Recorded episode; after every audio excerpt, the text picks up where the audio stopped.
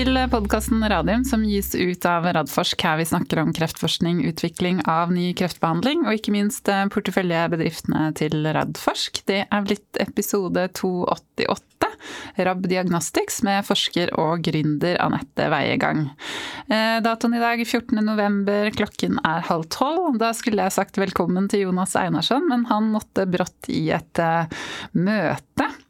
Sånn er det for tiden. Det er litt full fart. Eh, og neste tirsdag er det dessverre heller ikke en podkast med, med verken meg eller Einarsson, for da er det reise. Så, men eh, vi kommer tilbake sterkere igjen før jul, altså. Vi tar ikke riktig juleferie enda.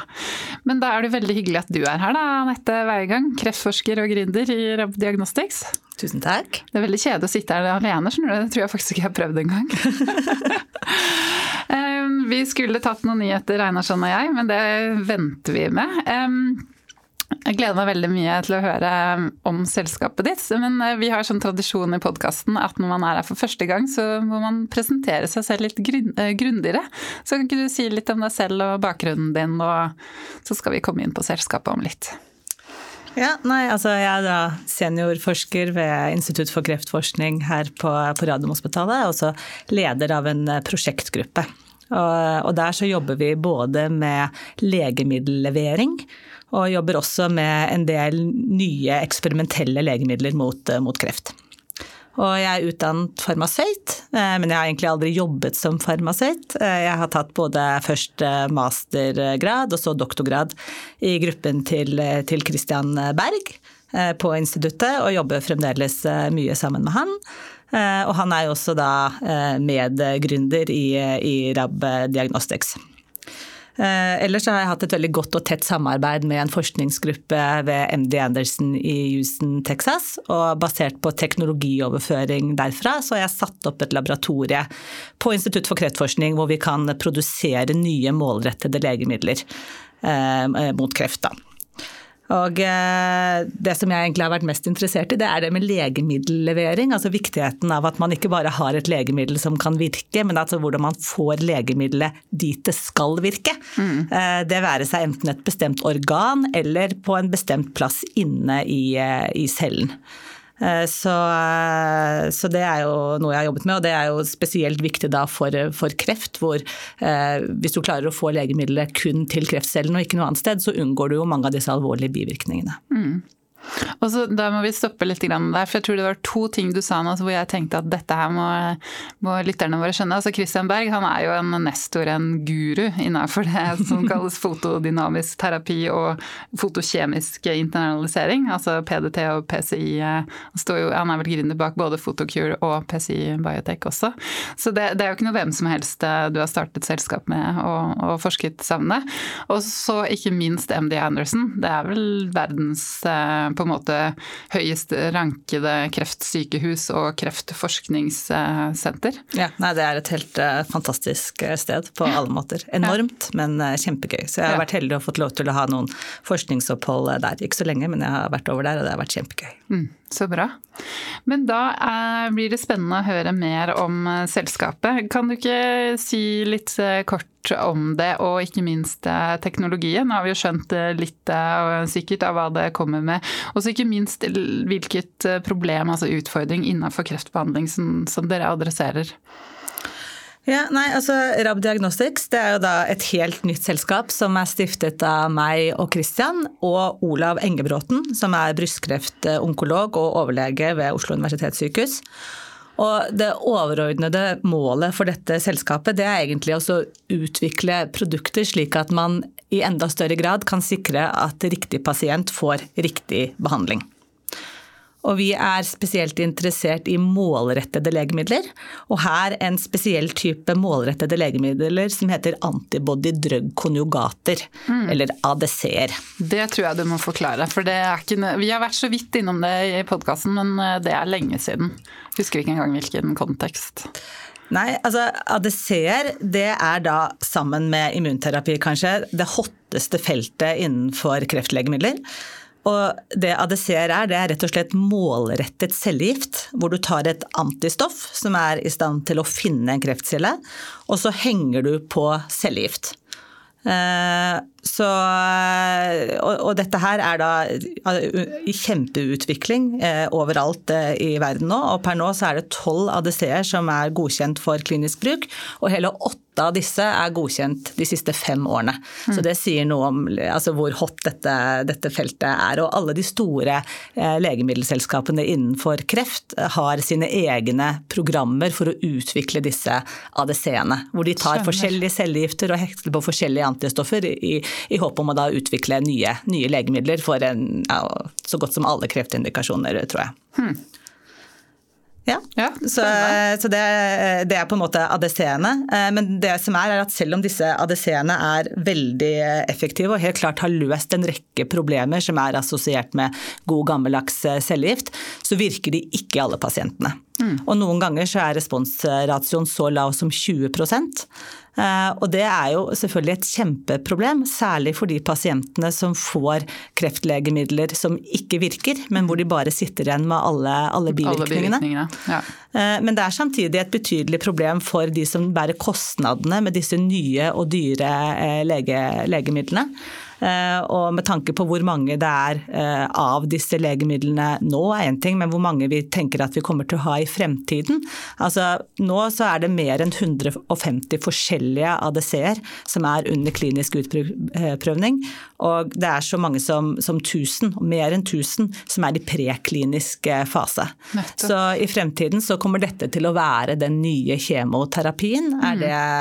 det mange mener, eh, mm. inklusive oss. Og vi trenger trenger da eh, metoder som gjør at vi i bedre grad kan sikre at disse legemidlene blir gitt til de pasientene som, som skal ha dem, og ikke til resten. For det er nemlig sånn at selv om du har denne overflatemarkøren eh, som legemiddelet skal, eh, skal finne, så er det ikke alltid at legemiddelet virker. Mm. Så da er det dere kommer inn i bildet, regner jeg med? Ja, da er det vi kommer inn i bildet. Vi har da ja. funnet en ny, en ny, måte, eh, en ny type markører som man burde se på i tillegg til disse overflatemarkørene når man bestemmer hvorvidt en pasient skal ha legemiddelet eller ikke. Jeg vet ikke om du vil jeg skal si noe mer? Ja, gjør det. Ja. Gjerne. Jeg vet at uh, våre lyttere de liker å skjønne litt av vitenskapen også. Du er god til å forklare, så det må vi benytte oss av. Nei, for Hvis man igjen liksom ser for seg denne ADC-en, som igjen består av et antistoff som skal binde seg til en kreftcelle. Og kreftcellen har jo da en markør som er på en måte en sånn finn meg-signal for at legemiddelet skal, skal binde seg. Og etter at legemiddelet har bundet seg til kreftcellen, så er man avhengig av at legemiddelet tas opp inn i cellen. For det er på innsiden av cellen at denne kjemoterapien skal virke. Ja, Så når den er på utsiden, så, så spiller det ikke noen rolle, liksom? Den kunne egentlig bare vært ved en annen celle, til og med? Ja. ja ikke sant? Mm. Litt sånn overordnet, ja. ja. Så, eh, men det som vi da har funnet, er at man kan Altså siden man er avhengig av opptak av legemiddelet for at det skal virke, så bør man man også se på en, eh, en del proteiner som regulerer den, dette opptaket når man bestemmer hvorvidt legemiddelet skal virke eller ikke. Mm. Som man da bruker i tillegg til den overflatemarkøren som allerede er i, er i bruk. Mm. Så det er, eh, det er oppfinnelsen. Mm. Så bra. Og så, som du sier, altså dere er jo et nystarta selskap, men, men, dere har jo på en måte utvikla allerede en plattformteknologi. Litt sånn vi kjenner fra, fra Nycode, hvor dere har på en måte en teknologi som dere kan bruke i mange forskjellige retninger. Eh, og så har dere allerede to produkter med litt sånn forskjellig innretning. Kan ikke du si litt om Vi kan begynne med produkt én. Jeg vet ikke om dere har et navn? Ja, nei, jeg tror ikke navnet er noe jeg skal, skal komme, med, komme, med, akkurat uh, her. Men altså uh, Ettersom det er så veldig mange forskjellige ADC-er uh, som, som, vil komme på markedet, så ser vi at teknologien vår den kan brukes på litt forskjellig måte, avhengig av nøyaktig hvilken ADC det er du ja, du så du kan på en måte skreddersy ja, en diagnostikk til den enkelte ADC-en? Ja. ja. Og eh, det med at det er en plattformteknologi, mye av det ligger i det. Men det ligger også i at det finnes mange forskjellige måter vi kan nytte eh, teknologien på, avhengig av nøyaktig hvordan du ønsker å identifisere denne markøren. Mm. Uh, og uh, altså det produktet som vi har lengst uh, kommende nå, det er et produkt som, som, vi kan bruke til å identifisere eh, pasienter som skal ha et legemiddel som allerede er på markedet vårt. Mm. Eh, men eh, vi tenker jo også for, for fremtiden. Det vi ser på som, som, som, stort her, er jo å kunne gå hånd i hånd med farmasøytisk industri som jobber med å utvikle disse nye ADC-ene, slik at vi kan utvikle diagnostiske produkter sammen med dem. Og på den måten bli en sånn eh, companion diagnostic til, mm. til disse nye ADC-ene. Mm. Og så har dere allerede et, etablert et uh, samarbeid med et stort farmasøytisk selskap, har dere ikke det? Jo, vi har det. Og det er jo veldig gøy, for det er jo på en måte med på å, å validere altså, den uh, altså interessen vi mener burde, burde være, være, der. Mm. Så dette er et ganske stort selskap som både har ADC-er på markedet, men også har mange i, i utprøvning, både klinisk og preklinisk. Og de har da sendt oss et av sine legemidler som de har i pipeline, og vi driver nå og undersøker hvordan det best kan nyttes med vår teknologi.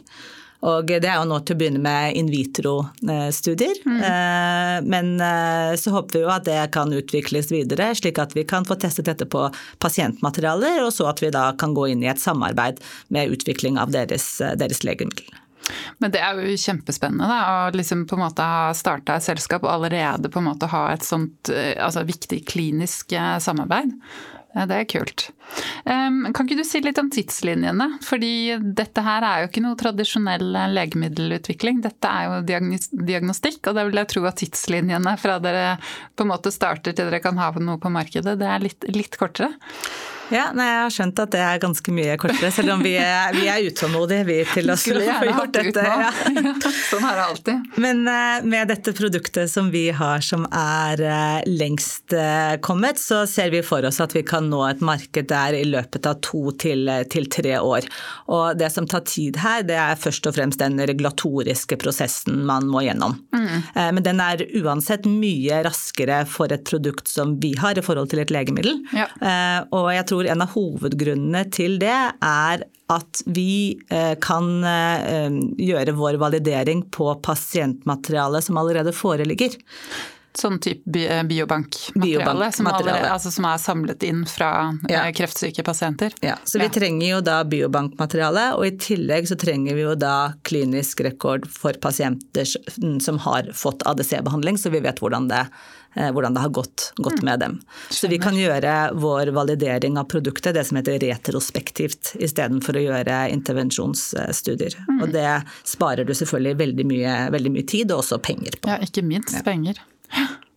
spennende.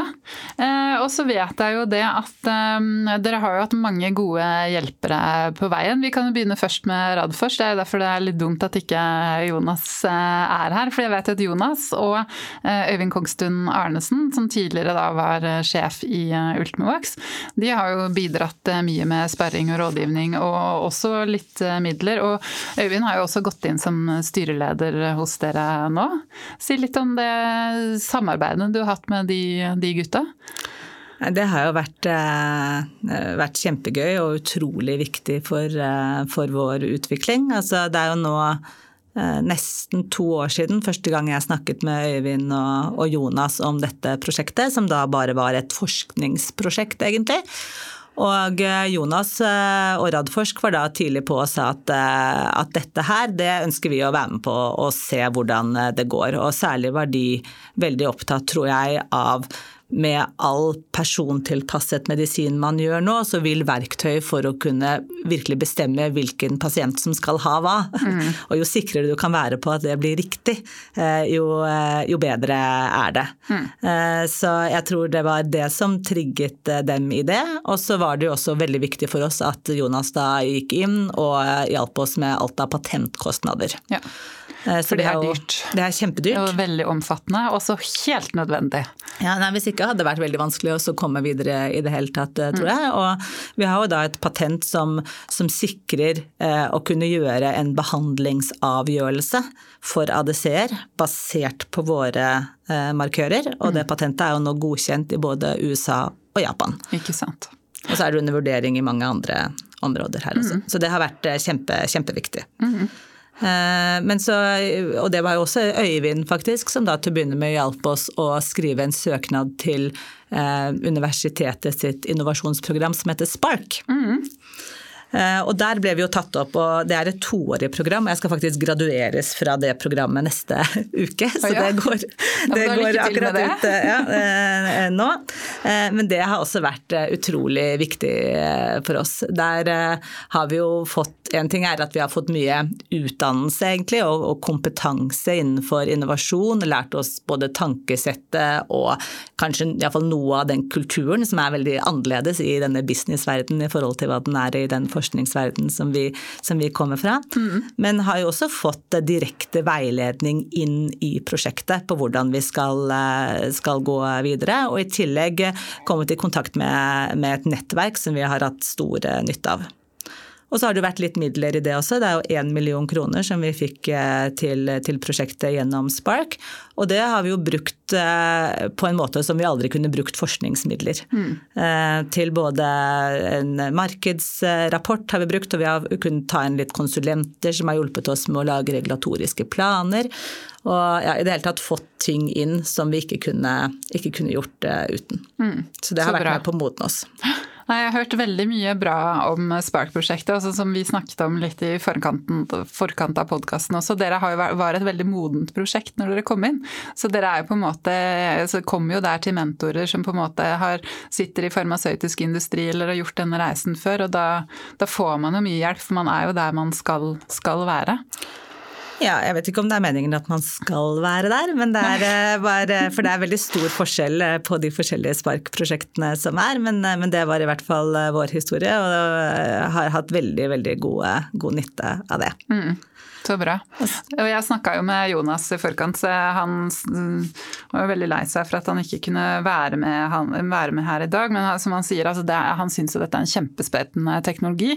Og så vidt vi vet, så er det vel første gangen Radforsk er inn, i, altså, med på, et, på, å bygge opp et eh, ordentlig diagnostikkselskap. For det, vi er jo altså Ja, da er det jo resten legemiddelutvikling, da, stort, stort, sett. Så det må du ta som en fjerde i hatten. ja, nei, vi, vi, gjør det, men det henger jo også veldig tett sammen med utvikling av legemidler. Ja. Så jeg tror at eh, det er nok noe i den eh, nøkkelen der som, ja. Eh, som gjør at det har vært interessant for dem. Mm, ja. Og ikke minst pasientnytten. Ja, absolutt. Ikke sant. Det, det å på en måte kunne gi eh, rett behandling til riktig pasient som persontilpassa medisin dreier seg om. Det er jo så viktig å unngå da å gi en medisin som bare fører til eh, bivirkninger og ikke på en måte har, har noe effekt. Um, og så veit jeg at dere er i gang med å skrive en EU-søknad. Kan ikke du fortelle litt om det? For det er ikke, det er ikke en one-pager som du sender av gårde på e-post, det er stort og omfattende. Nei, fordi altså nå er jo altså, Som forskningsprosjekt så har jo dette vært eh, finansiert gjennom forskningsmidler og innovasjonsmidler.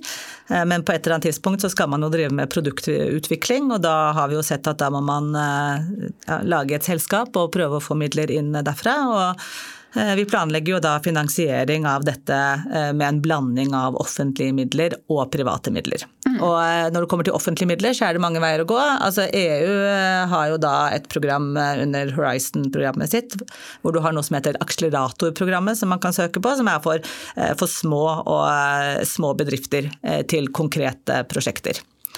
Eh, så da har vi laget en, en søknad dit. Kjempestor jobb, eh, for den er veldig businesstung. Mm. Og, eh, men den tvang oss da til å lage businessplaner og konkretisere hva vi egentlig trenger for å komme i mål med dette her. Mm.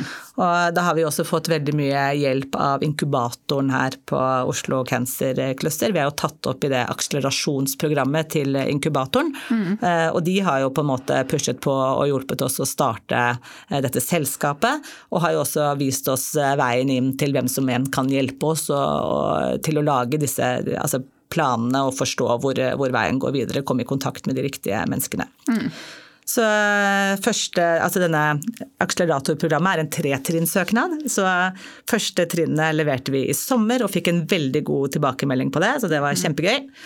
Eh, og eh, andre trinnet leverte vi nå for noen uker siden, og så er det å krysse fingrene for svar i desember på det. Så de har på en måte tre ja, det blir to nåløyer som du må, må gjennom da, før du på en måte kan se Men Hvor mye penger er det snakk om at man kan få hvis du på en måte kommer gjennom den siste døra? Ja, nei, Det er da 2,5 millioner euro, ja. som er et uh, grant. Mm. Uh, også det kan da støtte opp til 70% av totalbudsjettet. Så du er avhengig av da å få privat finansiering i tillegg, uh, tillegg til det. Ja. ja. Og da vil jeg tro at det er noe som dere er ute og ser etter eh, nå? Ja, altså vi trenger jo også midler uansett om den søknaden skulle gå inn eh, eller ikke, så vi er på investorjakt eh, nå, ja. Og jeg bare for å si det, altså Suksessratioen i dette akseleratprogrammet er ikke veldig stor. Nei, den Ligger det sånn som på Forskningsrådet, eller sånn 3-4 prosent eller ja, litt høyere? Fem tror jeg jeg har hørt. Fem, ja. ja. Så Men, det er et nåløye. Så hvis man ikke kommer gjennom det nåløyet, så betyr det ikke at man ikke har et bra prosjekt. Snarere tvert imot. Ja, men så tror jeg det er litt sånn viktig her også å få sagt det, det at en av hovedgrunnene til at vi skrev denne søknaden, var ikke bare eh, altså at vi Pengene. trenger midler. Nei. Det var at det tvang oss til å gå i gang å lage dette firmaet, mm. finne ut av hva vi skal gjøre, finne ut av hvor mye penger vi trenger, ja. Eh, på hvilken måte og hvordan det er best å gjøre det. Og så finne ut hvordan organisasjonen skal bygges. Hvem trenger vi? Mm. Hva vil det koste? Så nå Rett har vi de planene. Rett og slett gå over i den kommersielle fasen fra forskningsprosjektet til et reelt uh, selskap. Ja. Mm.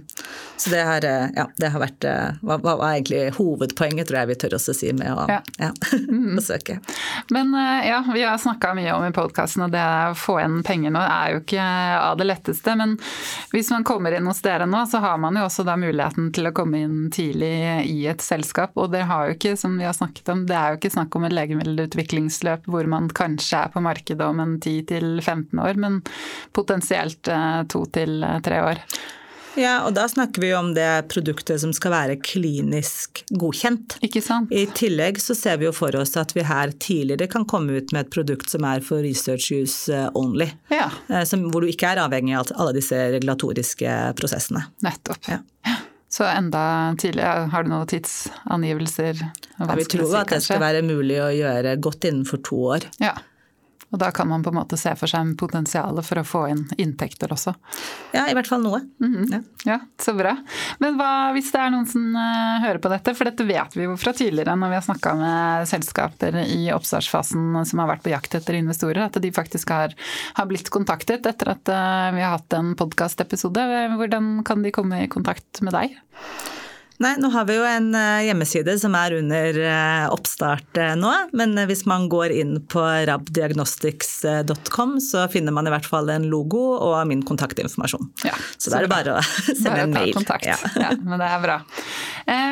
Um, og helt til slutt, noe som vi må prate litt mer om, det er jo at dere er trukket ut blant mange søkere som et av 30 selskaper som skal være med i Nordic Stars Award 2023 på Nordic Life Science-konferansen i København.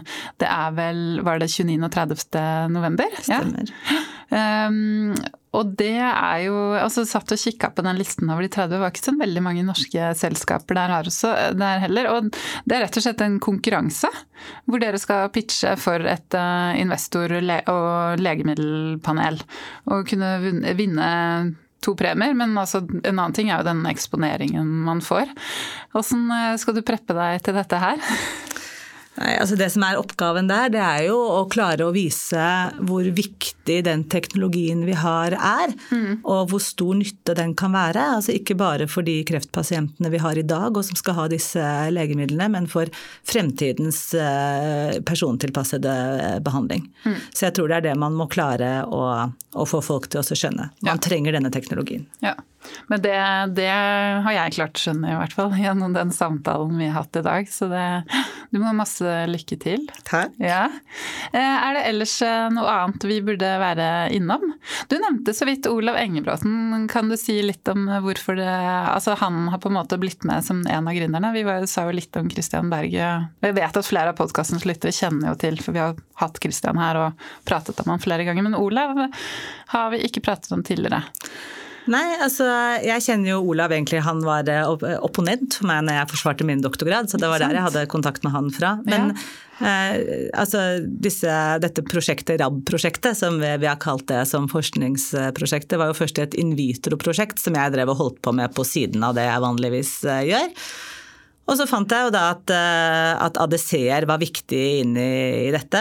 Og eh, da tok jeg ganske tidlig kontakt med Olav og spurte om det var noe han trodde ville være av interesse. Mm. Og han tente helt på den ideen eh, med en gang. Og det var jo han som da eh, fikk tak i samarbeid med, med kliniske sentre hvor vi, hvor vi, kunne validere dette klinisk. Mm. Så blant annet så har vi jo et samarbeid med universitetet i, i California, San Francisco, som har vært kjempeviktig for oss å kunne vise eh, altså hva, hva, du kan gjøre med denne teknologien. Mm. Jeg synes jo dere har kommet altså Etablerte dere selskapet i år, altså ja. 2023.